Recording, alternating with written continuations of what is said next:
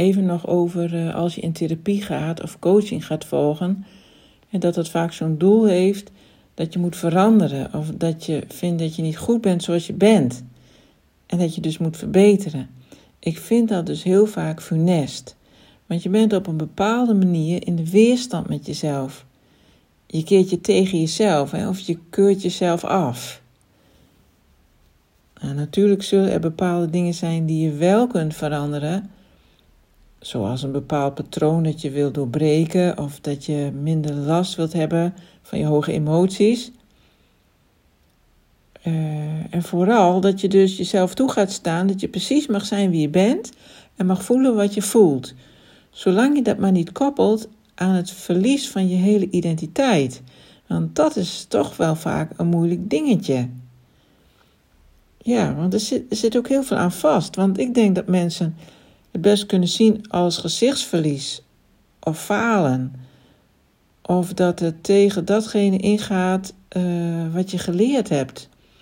Ik heb bijvoorbeeld uh, nu in een van die braindumps verteld dat ik getraumatiseerd ben en mood swings heb.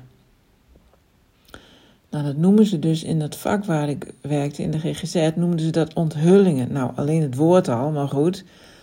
En dat mocht je niet te veel doen. Want je moest wel de professionele distantie bewaren tussen jou en de cliënt. En de cliënt werd dan ook nog vaak patiënt genoemd. Nou ja, goed. Nou, op zich is er natuurlijk niks mis mee met professionele distantie. Maar eh, het werd voor, voor mijn gevoel wat te allemaal. Hè? En die patiënt, die moest dus ook veranderen hè, en verbeteren. En jij als therapeut weet dan hoe dat moet en staat daar dus boven. Nou ja, je snapt het allemaal wel. Ik, uh, dat stoot me, stuit mij allemaal nogal wat tegen de borst. Um, en ik heb trouwens ook het idee dat dit er mede voor gezorgd heeft dat veel hulpverleners uit de grote organisaties weg zijn gegaan hoor, omdat zij ook meer menselijkheid en gelijkwaardigheid in het contact willen. Dat niet alleen natuurlijk, hè, ook de werkdruk en het uh, geldgestuurde systeem speelt mee. En uh, ja, die, die, die mensen zijn dan ook voor zichzelf begonnen of in kleinere praktijken verder gegaan. En ik denk ook zeker wel dat daar veel meer afgestemde hulpverlening is hoor, waarbij ze kijken naar wie je bent en waar je last van hebt. In plaats van zo'n gestandaardiseerd uh, protocol. Maar ik denk dus dat uh, als, ik, als ik die persoonlijke dingen over mezelf vertel, dat het past bij de huidige bewustwording. er is steeds meer openheid. Ik, ik merk dat overal. Mensen durven steeds meer te vertellen over zichzelf en wat ze hebben meegemaakt.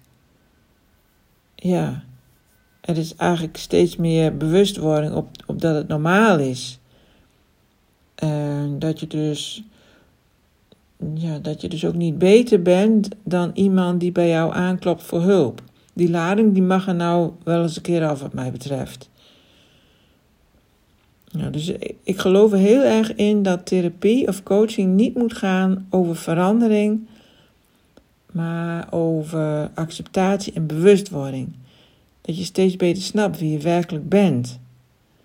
En dan verschuiven er vanzelf wel wat dingen in jou als het juiste moment uh, daarvoor aangebroken is.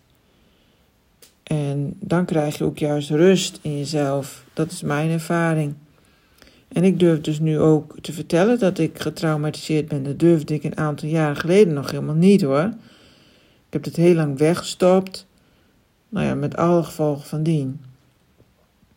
En als je alsmaar over je grenzen gaat en jezelf sterker houdt dan dat je je eigenlijk voelt, terwijl ik me daar ook weer niet echt bewust van was hoor. Het was ook een conditionering om door te zetten. Maar goed, dat heeft op de lange termijn wel een hoop consequenties. Dus daarom vind ik het heel goed dat er steeds meer openheid komt. Want ja, dat steekt elkaar aan volgens mij. Ook anderen durven dan opener te worden. En hoe eerder, hoe eerder je dat doet, hoe groter de kans dat je dichter bij jezelf komt. En beter voor jezelf gaat zorgen. Dat denk ik wel. Als ik het eerder had als ik eerder opener was geweest, dan had het ook minder consequenties gehad. Dus, dit wil ik nog even zeggen over therapie of coaching.